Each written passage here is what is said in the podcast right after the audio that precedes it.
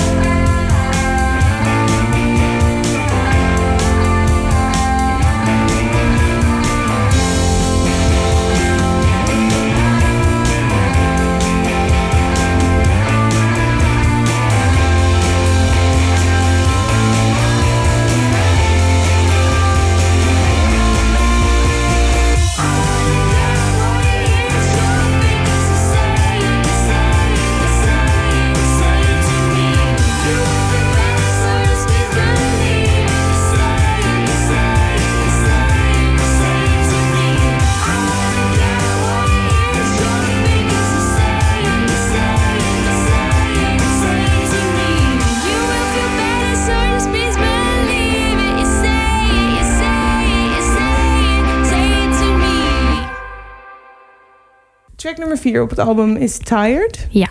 Waar mag ik de tekst interpreteren? Haalde ik wat ik eruit kon halen? Haalde ik een beetje iets van slecht dromen, nachtmerries, moe, Mhm. vermoeid zijn? Dat Ja. is een beetje waar het personage in mijn hoofd eh, in dat nummer doorheen gaat. Nou, dit is er misschien de enige waar ik dan wel wat over de tekst zou kunnen uitleggen. Ga je gang. Ehm, ik heb een periode heb ik heel erg last gehad van. ehm, ben ik even de naam kwijt. Maar dat is dat dromen dat je in slaap valt. En dan wakker wordt en je Lucid niet kan dreaming. bewegen. Ja, dat je Ah, niet ja. kan bewegen. En dat er dan iemand op je afkomt. Met heel veel. eh, je hoort dan heel veel kabaal.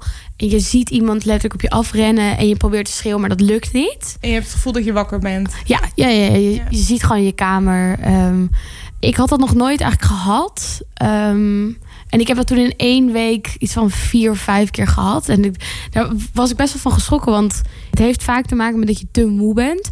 En dat je hoofd nog heel druk is met andere dingen. Dus dat je lijf eigenlijk al in slaap valt. Maar je hoofd nog een soort van bezig is. Dat, is- ik weet niet zeker of ik het nu helemaal goed uitleg. Want ik ben Ja, natuurlijk geen wetenschapper. ja. Ehm, maar eh, ja, dat vond ik een heel interessant concept. En ook omdat ik niet heel veel mensen ken die het hebben. Mijn vriend heeft het toevallig ook. Ah, soms. Gezellig bij jullie. Je kan het dus al voelen aankomen als je in slaap valt. Ehm, dus dan kan je er meestal nog wel iets aan doen. Maar Als je de ervaring hebt, dan weet Ja. je... als ik nu in slaap val, dan heb ik waarschijnlijk last hiervan. dan gaat het gebeuren, ja. En wat doe je dan? Moet je dan jezelf eerst tot rust manen voordat je gaat Oh, slapen? je moet eerst eigenlijk even wakker zijn. Gewoon, je moet gewoon nog even nog niet slapen. Want je hoofd en je lichaam moeten een soort van nog even tegelijk komen. Dus als je dan heel even iets gaat, even opstaat of zo... en daarna gaat liggen en inderdaad gewoon heel rustig probeert te ademen... en je hoofd een soort van gewoon schaapjes stellen of whatever... Ja, ja. dan werkt het beter. Ehm, Heftig, man. ja. maar ik vond dat best wel een weird concept of zo. Dat dat Sowieso zijn dromen raar. Ja. Waar komt het allemaal ja, vandaan? maar helemaal als je dan je ogen open hebt. Ja, en dus in feite wakker lijkt te zijn. Ja. Ja, oeh, heel. Ja. Ik heb wel gehoord dat dat vaak ook gepaard gaat als mensen bijvoorbeeld zieker zijn of koorts Ja. hebben of zo. Dat je dan ook groter de kans hebt om Ja. dat... eh, Ja, ik heb sowieso als ik koorts heb, ga ik heel erg hallucineren. Dus het zit bij mij er wel in. er zit ergens ja, iets in niet helemaal goed. zit een soort van droomsteekje Ja. los. Ja. Ja. Oké, maar ja, nou ja, fair enough. Dus toen dacht je, ik ga, dit is de inspiratie Ja. om... eh, Dit is in ieder geval de basis. En dan de rest. Begon je dan nu ook met de tekst of was dit ook muziek en dat je Nee. wel dacht van, oh, dit is een mooi verhaal. Tekst is altijd als laatst. Ja, grappig. Ik kan me ook voorstellen als je denkt van... oh, dat is wel interessant om een nummer over te schrijven... dat je een tekst schrijft. Nou ja, ik denk dat dan, waarom ik dat nooit doe, is omdat ik ehm, het gevoel heb dat ik vrij beperkt ben door wat ik muzikaal kan op een gitaar. En als ik een tekst schrijf, dat ik het heel moeilijk zou vinden om eh, de lengtes van zinnen dan in te kunnen passen in een soort gitaarlijntje of Ja. zo, zonder dat ik. Ik, ben, ik, ik heb het nog nooit geprobeerd, dus ik zou het een keer moeten proberen, want dat is leuk om dingen Ja. een keer Ja. te switchen. Ehm who knows, als ik het een keer probeer, misschien schrijf ik wel Ja. de allergrootste wereldhit. Ja, wie weet. nou ja, laat het even weten Ja. dat ze zijn. Dit keer heb ik het veranderd. Nou ja, dus nu Tired eigenlijk over dus jouw gekke droomervaringen.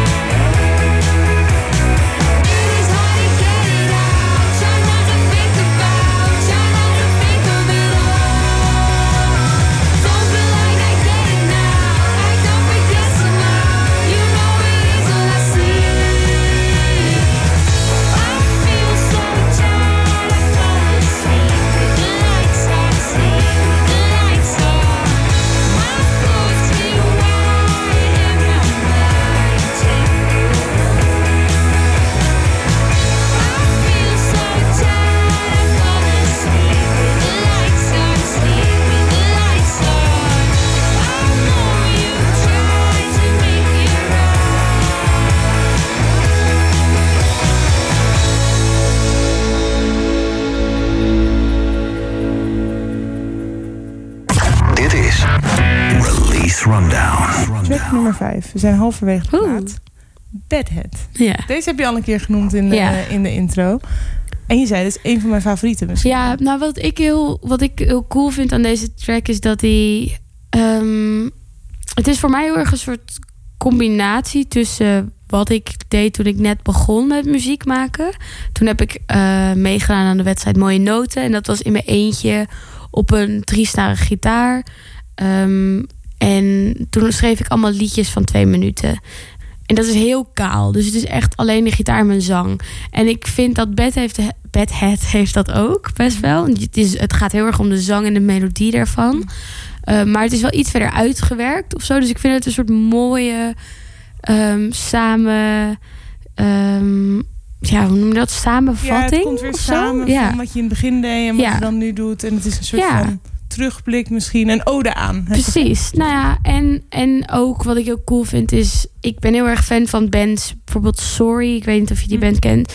Die ehm, meerdere genres eigenlijk door elkaar mixen. Ja. Ehm, en ik vind dat zelf altijd best moeilijk, want ik zou nooit zo goed weten hoe dat dan moet. Eh, maar hier zit dus die trap drumcomputer in, eh, waar ik zelf heel erg fan van was. En nog steeds ben. En we hebben dat toen eh, geprobeerd live met een gewoon drumstel, eh, dus live in de oefenruimte, eh, te doen. Eh, maar dat werkte helemaal niet. Ehm, toen zijn we uiteindelijk gewoon gebleven bij deze drumcomputer. En dat vind ik wel heel cool. Ook in de plaat werkt dat heel goed, denk ik. Het is gewoon een beetje een stukje, een uitstapje van Ja. wat je misschien normaal zou doen. Precies. En wie, ja. Want wie kwam daar dan mee met dat trap eh drum Dat heb ik zelf. Heb je zelf Ja. Dat had je in je computer zitten en dacht je, oh dat is wel cool. ik Ah, dacht, ik laat ik eens een keer een andere drumloop pakken. En toen was het Want- dit. Wie, eh, wie heeft het geproduceerd? Eh, Dave McCracken heeft het geproduceerd. Oh ja, dat had ik wel. Dat had ik wel opgezocht. dat staat hier ergens. nou ja, hij heeft heel veel hip-hop Ja. gedaan. Oh, dus hij heeft die invloeden ergens ook wel. Ja, Ja. Ehm, hij was het ook helemaal eens dat we het gewoon die drumcomputer moesten houden. Hij heeft, dat wisten wij niet hoor. Toen, voordat we met hem gingen werken, we werken al wat langer met hem. Eh, toen, toen kwamen we daar aan bij zijn- hem in zijn studio toen. En toen bleek opeens dat hij met Beyoncé, met Jay-Z, met Kanye, met echt al die mensen had gewerkt. Het is misschien wel goed dat je het niet van tevoren wist. Ja, ik weet niet of ik dan nog was. Dus wij hadden echt zoiets van, oh my god, dit wisten we helemaal niet. Hoe vet. Ehm, Ja. Maar eh, ja, ik vind dat dus ook heel cool in hoe hij dingen opneemt of geluidsdingen doet. Ehm, dat het echt een mix is van meerdere dingen. En niet een soort, het zou het saai maken als het alleen maar gewoon standaard... Standaard is. Ja. ja. Ik denk dat Bedhead een liedje is wat echt een plaatliedje is. Ehm, het is een, misschien als we ooit bijvoorbeeld een akoestische sessie zouden doen of wat dan ook. Wat we op dit moment trouwens niet doen. We spelen eigenlijk alleen maar versterkt Ja. en alleen maar met z'n vieren. Ehm, live gaat het bij ons heel erg om energie en Ja. een soort lol. En ehm Bedhead past daar heel moeilijk in. Ja. Misschien ooit, maar nu Ja. niet in ieder geval. Grappig. Oké. Nou, Bedhead voor op de plaat. Luister goed. Ja. I woke up with a voice in my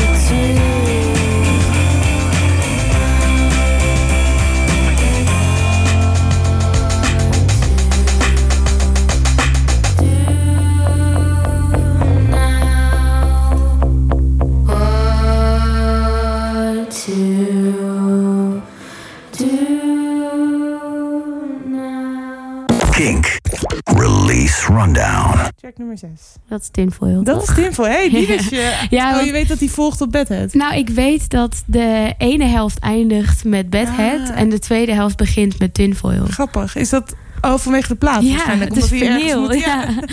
omdat hij ergens moet stoppen en dan weer Ja. beginnen. Ja, Ja. grappig. Eh tinfoil had ik opgeschreven. Er zit een soort van vervormer op je stem. Ja. Dat viel mij heel erg ja, op. een soort distortion zit erop. Ja. oké. Dus Ja. Dat is wat ik opgeschreven had. Distortion inderdaad.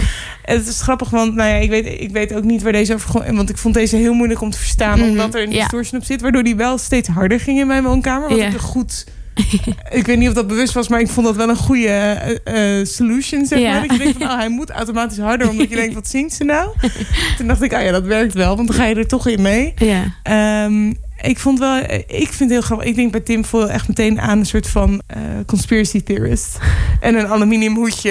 en ik weet bij god niet of het daarover gaat. En dan heb je dus een beetje die distortion over je stem. Wat Ja. weer een beetje blikkerig kan klinken. Wat Ja. weer bij Tin Foyle past. Nou goed. Ja. Dus dat is hoe ik erover dacht. Cool. Ja. En eh, hoe is deze tot stand gekomen? Ehm, nou ja, dit is eigenlijk ook weer heel erg rond die dat gitaar. Nou, nee, dit kan. Dit is zelfs wel een grappig verhaal. Ik, ehm, als je muziek maakt, heb je dingen in maten. Ja. Ik eh, en tellingen. Ik weet er heel weinig van af, maar ik weet wel dat je je kunt ook driekwartsmaat hebben. Nou, ik had zoiets van, nou, dat heb ik nog nooit gedaan, driekwartsmaat. Hoe moet dat in hemelsnaam? Dus ik begreep daar helemaal niks van.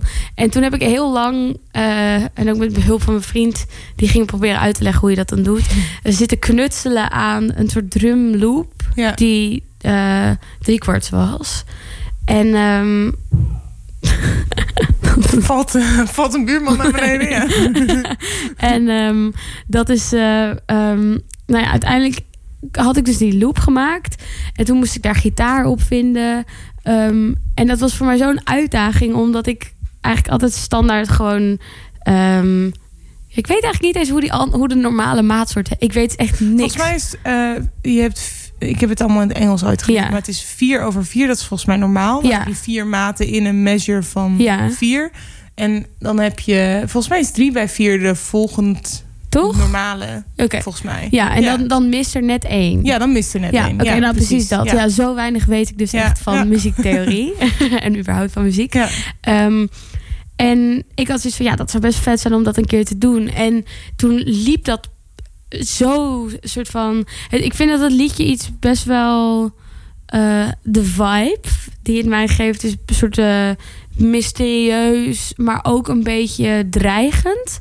En dat vind ik zelf heel vet. Ik, vind, ik hou heel erg van liedjes die je soort aangrijpen op een bepaalde manier. Of waar je mee. wel, dat, je, je- dat het s'avonds laat is en dat je eh, door de stad loopt. En dat je je eigenlijk een beetje ongemakkelijk voelt. Want je loopt in je eentje en het is laat. En dat je dan je oortjes in hebt. En dat je zo'n liedje als tinfoil op hebt staan. En denkt van oké, ik kan dit. Dit is. Ik ben gewoon heel sterk of whatever. Ik, ik, ik ga dit gewoon doen. En Dat, zo'n gevoel geeft het liedje mij. En dat vind ik heel vet. Daar ben ik heel blij mee. Ja, dat is, ook, dat is een heel herkenbaar ding wat je schetst, inderdaad. Ik heb dat ook vaak als je ergens even naartoe moet. En vooral Ja, s'avonds ja. laat. Dat je gewoon even muziek moet hebben die je Ja. gewoon even die kracht geeft. Om, al is het maar om door te lopen omdat het koud is. Maar gewoon even een soort van boost geeft. Ja, Ja. ik snap wat je bedoelt. En cool. ehm, ik heb ehm, de band Girl Band, die heeft een liedje dat is Lawman. En daar zit een bepaald gitaar- en basgeluid in. En dat gaf mij ook precies dat gevoel. En dat vond ik zo geweldig. Dat ik zoiets had van, ik wil ook zo'n soort liedje. En het lijkt er echt totaal niet op, maar meer qua vibe. Het gevoel. Ja, het gevoel. het Ja, gevoel wat je overbrengt. Cool. Oké, dus nou, dit wordt meestal op een, eh, als het op de radio is, op een maandagavond uitgezonden. Dus als mensen nu luisteren, ga even wat harder lopen. Precies. Want dit is tinfoil.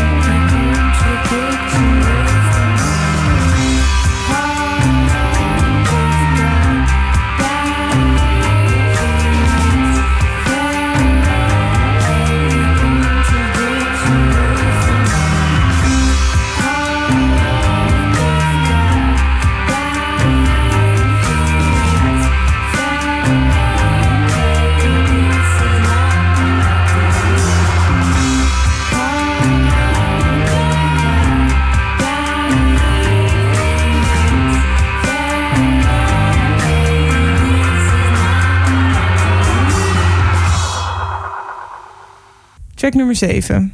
Is dat dan Sorry? Nee, dit is Ruby. Oh, Ruby. Dus de tweede De single, single, eigenlijk. ja. De, de, single die net voor ons net uit is en Ja. eh, die we allemaal kennen.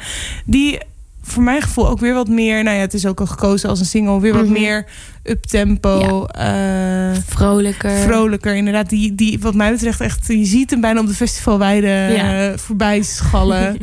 dat is wel, schrijf je zo'n track als Ruby dan in ongeveer dezelfde periode als Daddy Issues? Omdat dat weer wat meer misschien op elkaar lijkt? Ehm, dat weet ik om eerlijk te zijn niet meer. wat grappig. Ehm, ik, het is wel, het zou best kunnen.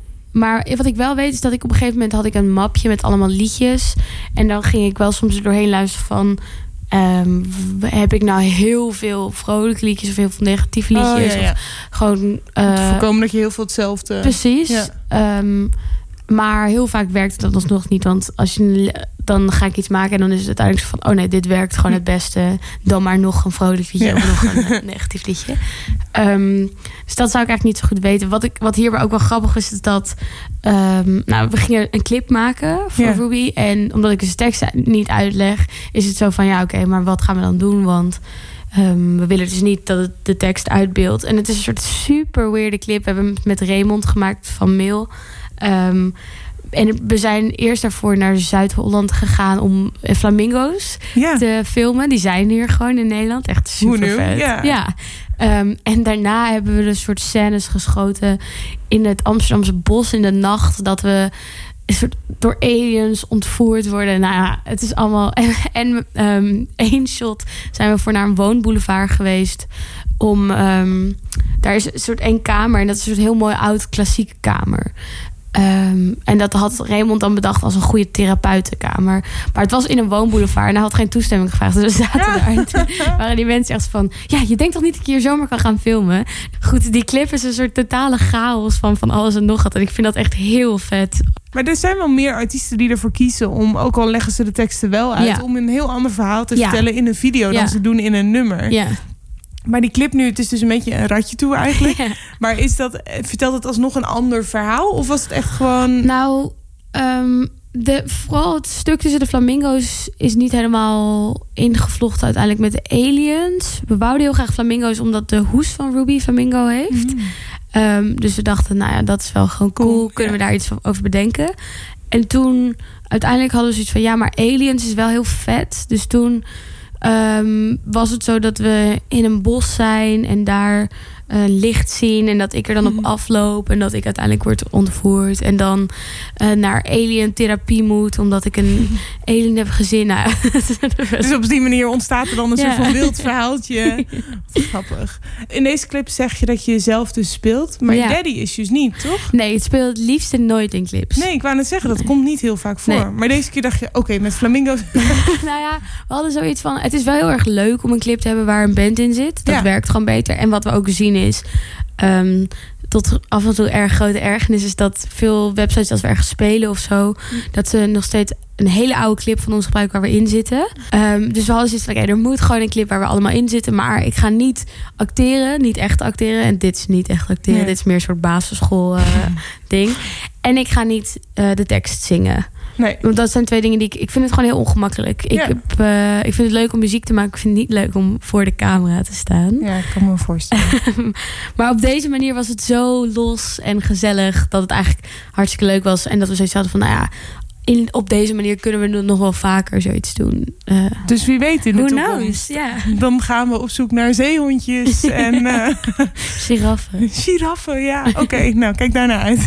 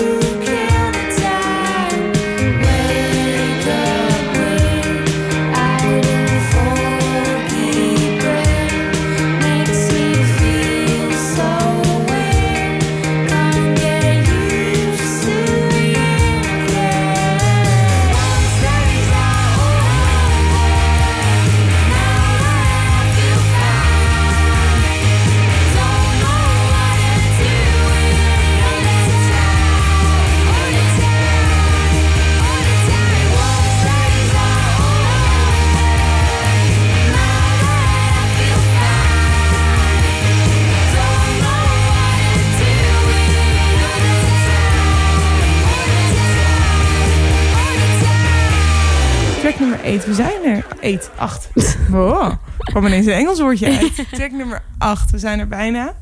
Eh, set of Stairs. Ja. Hiervan weet ik ook, ik, ik heb hier geen interpretatie voor, Nee. dus dat mag iedereen lekker zelf bedenken. Eh, maar ik vond het wel interessant, je, eh, je zanglijn is, het komt bijna, neigt bijna naar een soort van spoken word-achtig. Het is minder melodieus wat dat Ja, betreft klopt. en meer bijna mantra-achtig. ja. Het is wel grappig om te zien, was dat een heel bewust iets? Ehm, nou, ik vind het wel... In die tijd dat ik deze schreef... waren er een paar bands waar ik naar luisterde... waarvan ik van sommigen de naam niet meer weet. En ik had zoiets van... ja, het is best wel vet om dat een keer te proberen. Kan ik dat? Eh, en ik vind dit liedje zelf is best wel een soort lomp. Of nou, hard in ieder geval. En ik dacht, dan is het misschien juist wel cool om dat erbij te doen. Om het nog soort van te versterken. En wat ik ook wel cool vind zelf aan dat praatzang... is dat het...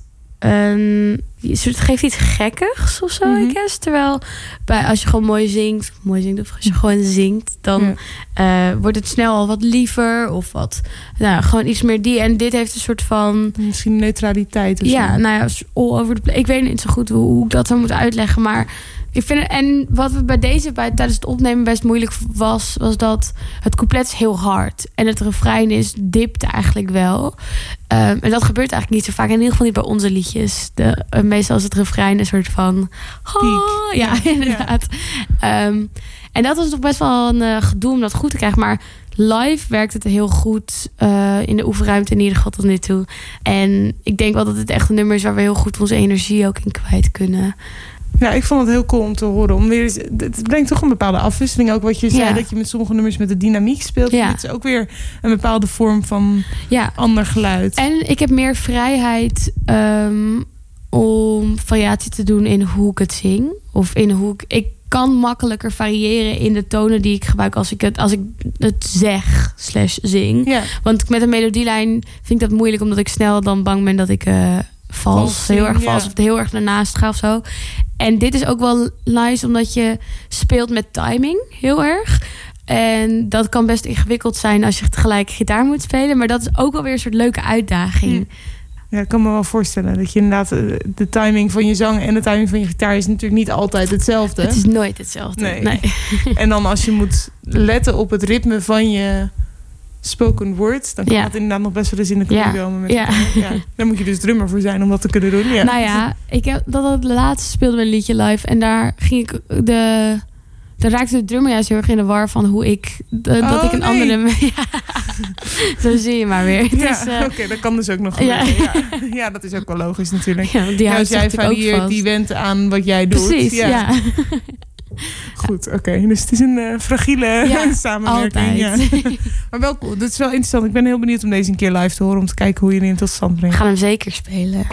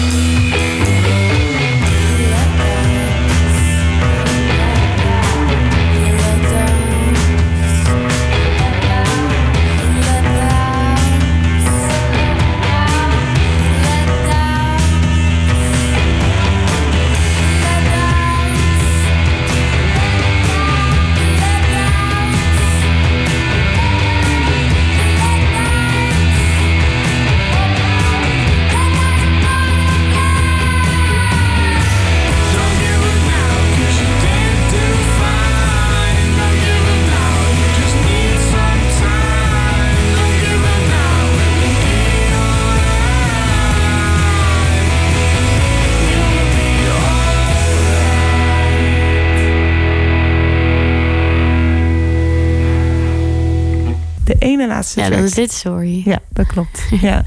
Eh, die heb je ook al een paar keer genoemd als zijnde iets rustiger. Ja.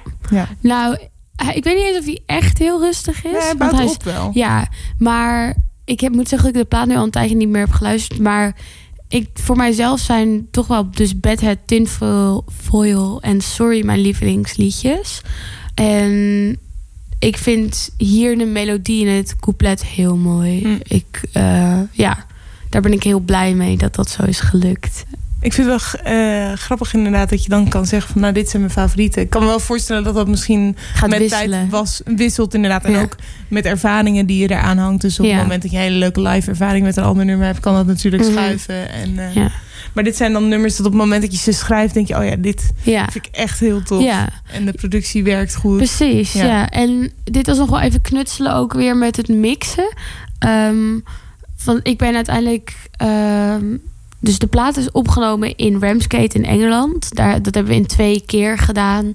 Eén keer tien dagen en één keer zes dagen. En daarna is de plaat een maand lang gemixt, wat best wel lang is. Hm. Eh, en ik ben daarvoor ook vijf of misschien wel zeven dagen naar Londen geweest om te helpen met het mixen. Ehm, ik vind namelijk geluid heel belangrijk. En ehm, ik wou heel graag erbij zijn om een soort van keuzes te maken samen met Dillip, degene die het heeft gemixt. Die ook um, Mickey Tune Shapes dus heel Ja, veel heeft gedaan. ja. En Cool. eh, King Cruel, de laatste Heb je dat dan opgezocht? Heb je zo iemand dan in contact gelegd? Nou, we hadden twee opties hadden we in ons hoofd. Eh, eentje was de mixer van eh, een meisje, dat was de mixer van de Oriels. Mm. Eh, die zit ook bij het label waar wij bij zitten, bij Heavenly. En die vinden we heel cool. En eentje was dus... En ik wou heel graag iets doen met de mixer van uh, Mickey Tune Shapes. Omdat ik Ja. dat geluid heel vet vind. Want wat Ja. zij namelijk heel erg doen is... Ze hebben een soort poppy... Weirde, weirde liedjes, maar dan op een manier ook heel poppy. Dus er zit heel veel tijd en liefde in het geluid en hoe dat is gedaan. Ja. En keuzes dat bijvoorbeeld de kickdrum heel erg overstuurd is, maar de zang heel mooi en helder. Cool. Dat soort dingen. En ik dacht, ik vind dat heel vet om dat ook. Natuurlijk ga je het niet namaken, maar het zijn wel dingen die inspiratie geven. Ik Om, wou zeggen, iedereen haalt daar inspiratie Ja. uit, toch uit elkaars Ja. muziek. Ja. Ehm, dus ik heb. En Sorry was wel eentje waar we in de studio wel even moeite mee hadden. Omdat eh, wat heel moeilijk is als je zulke volledige demo's maakt thuis, is dat je heel veel waarde gaat hechten aan die demo's. En je ze daarna moet overtreffen. En natuurlijk kan je ze vrij makkelijk overtreffen, want je gaat alles live opnemen. Dus het klinkt snel indrukwekkender. Maar je kan geluid bijna nooit exact namaken of zo. Dus als ik me heel erg hecht aan een bepaalde gitaarsound en het is ons niet gelukt om dat na te maken, dan kan dat heel irritant zijn omdat je hebt van, oh, maar dat was veel beter. Eh, dus, en dat was bij Sorry in eerste instantie zo, maar daar hebben we toen wat extra tijd aan besteed en uiteindelijk ben ik er echt super blij mee en is hij veel beter dan de demo. Dus dat is heel fijn. En zijn er ook dat je overweegt om de demo-versie gewoon wat meer aan te kleden en die dan op de plaat te zetten? Eh, dat is het volgende liedje. ah, oké. nou ja, niet echt, maar dat is van toepassing op de Ja. volgende track. Oké, dan gaan we nu eerst naar Sorry luisteren.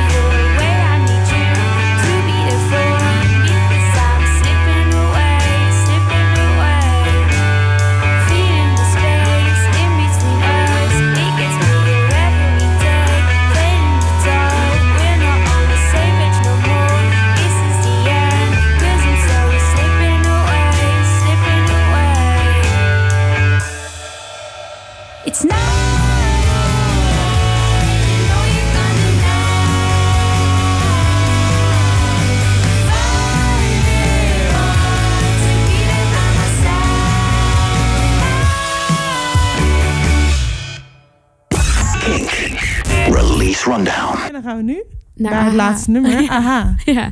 Ehm, ja, wat hier dus bij is gebeurd is... eh, dit is een soort liedje... Dus totale chaos in die harde stukken. Ehm, en ik had thuis iets van negen verschillende gitaardingen opgenomen. Terwijl ik me normaal altijd beperk tot twee gitaren. Want dat is wat je live kan spelen. Ja. Dus ik heb zoiets van... Ja, het heeft geen zin om 13 gitaren erin te doen. Want dan wordt het live totaal iets anders. En dat vind ik jammer. Ehm, maar dit was een heel oud liedje. Eh, dat had ik al, heb ik al in de eerste opstelling van de band hebben toen al geprobeerd en dat werkte niet. En dit is mijn broertjes lievelingsliedje. Eh, die zit ook in de band, die speelt gitaar. En ehm, toen hebben we in de studio hadden we zoiets van ja, nou ja, laten we eerlijk zijn. We kunnen al die gitaar opnieuw gaan opnemen, maar dat is superveel werk en we krijgen het toch niet zo. Dus wat we toen hebben gedaan is alle gitaar. We hebben het liedje verder de basis opgenomen in de studio in hetzelfde tempo als de demo. En toen hebben we alle gitaren gekopieerd en geplakt naar ehm, het liedje, Wat het grappig, nieuwe ja. liedje en ook bepaalde zangdingen. Ehm, dan moet ik zeggen dat het bij meer liedjes is gebeurd hoor, dat er een gitaartje is uit de demo is gekomen, maar bij deze is het wel heel erg. Dus eigenlijk is de, bijna de helft of zo wat je hoort... komt uit de originele demo. Nou, ik denk van aha zeker, Mhm. ja, Ja, ja. Grappig. En ehm, nou ja, met mixen was het soms best moeilijk, omdat ik een vrij. Ik heb dat natuurlijk demo's opgenomen en niet professionele Ja. opnames voor een plaat. Ja. Dus er zaten allemaal klikjes in en kraakjes en dingen. Ehm, en, maar dat heeft uiteindelijk ook wel zijn charme. Dus sommige dingen zitten er ook gewoon nog in. Ik heb eerst het met demozang opgenomen. Ja. Daar had ik nog geen tekst. Toen ik die gitaar ging opnemen, stond, zat die demozang erin. Dus die, hoort, die bloedt ook in die microfoon. Vervolgens ben ik de zanglijn een beetje gaan veranderen. En kwam er een soort achtergrondgeluid van die zang uit. Die in die gitaar zat van het origineel.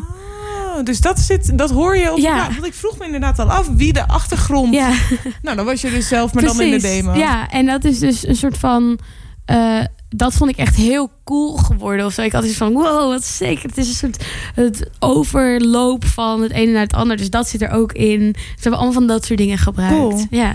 En het is, want ik vond hem ook heel erg opvallen. Ik heb hem echt een paar keer opnieuw gestart. En eigenlijk alle tracks van het album geluisterd. Want het lijkt heel erg op je andere nummers. Mhm. Maar ik dacht, volgens mij speel je een ander nummer, maar dan vertraagd. Ik dacht echt van, heb ik dit nou al gehoord of niet? En het, want het lijkt heel erg op. Het is in lijn, maar het is net Ja. weer heel erg anders ook. Mhm. Maar muzikaal lijkt het wel echt Ja. op het geluid. En je hoort dat anders is, maar het was bijna alsof het een, een, Ja. al een andere track was, maar in een ander jasje, zeg maar.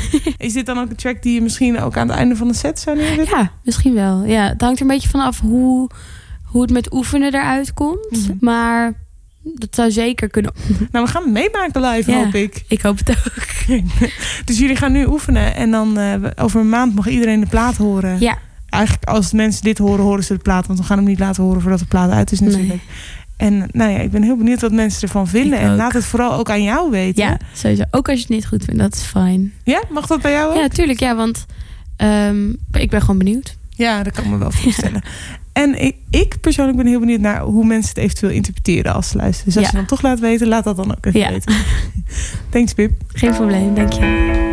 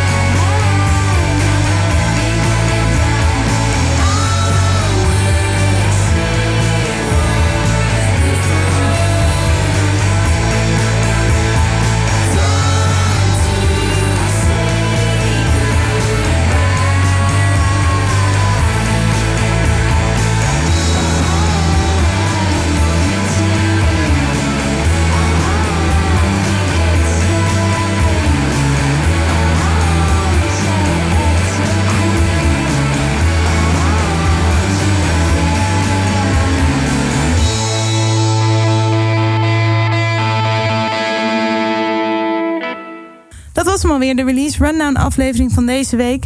Bedankt voor het luisteren en indirect ook voor het luisteren naar het nieuwe album van Pip, Boot.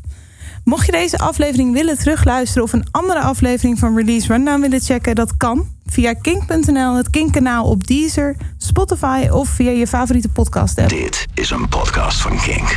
Voor meer podcasts, playlists en radio, check kink.nl.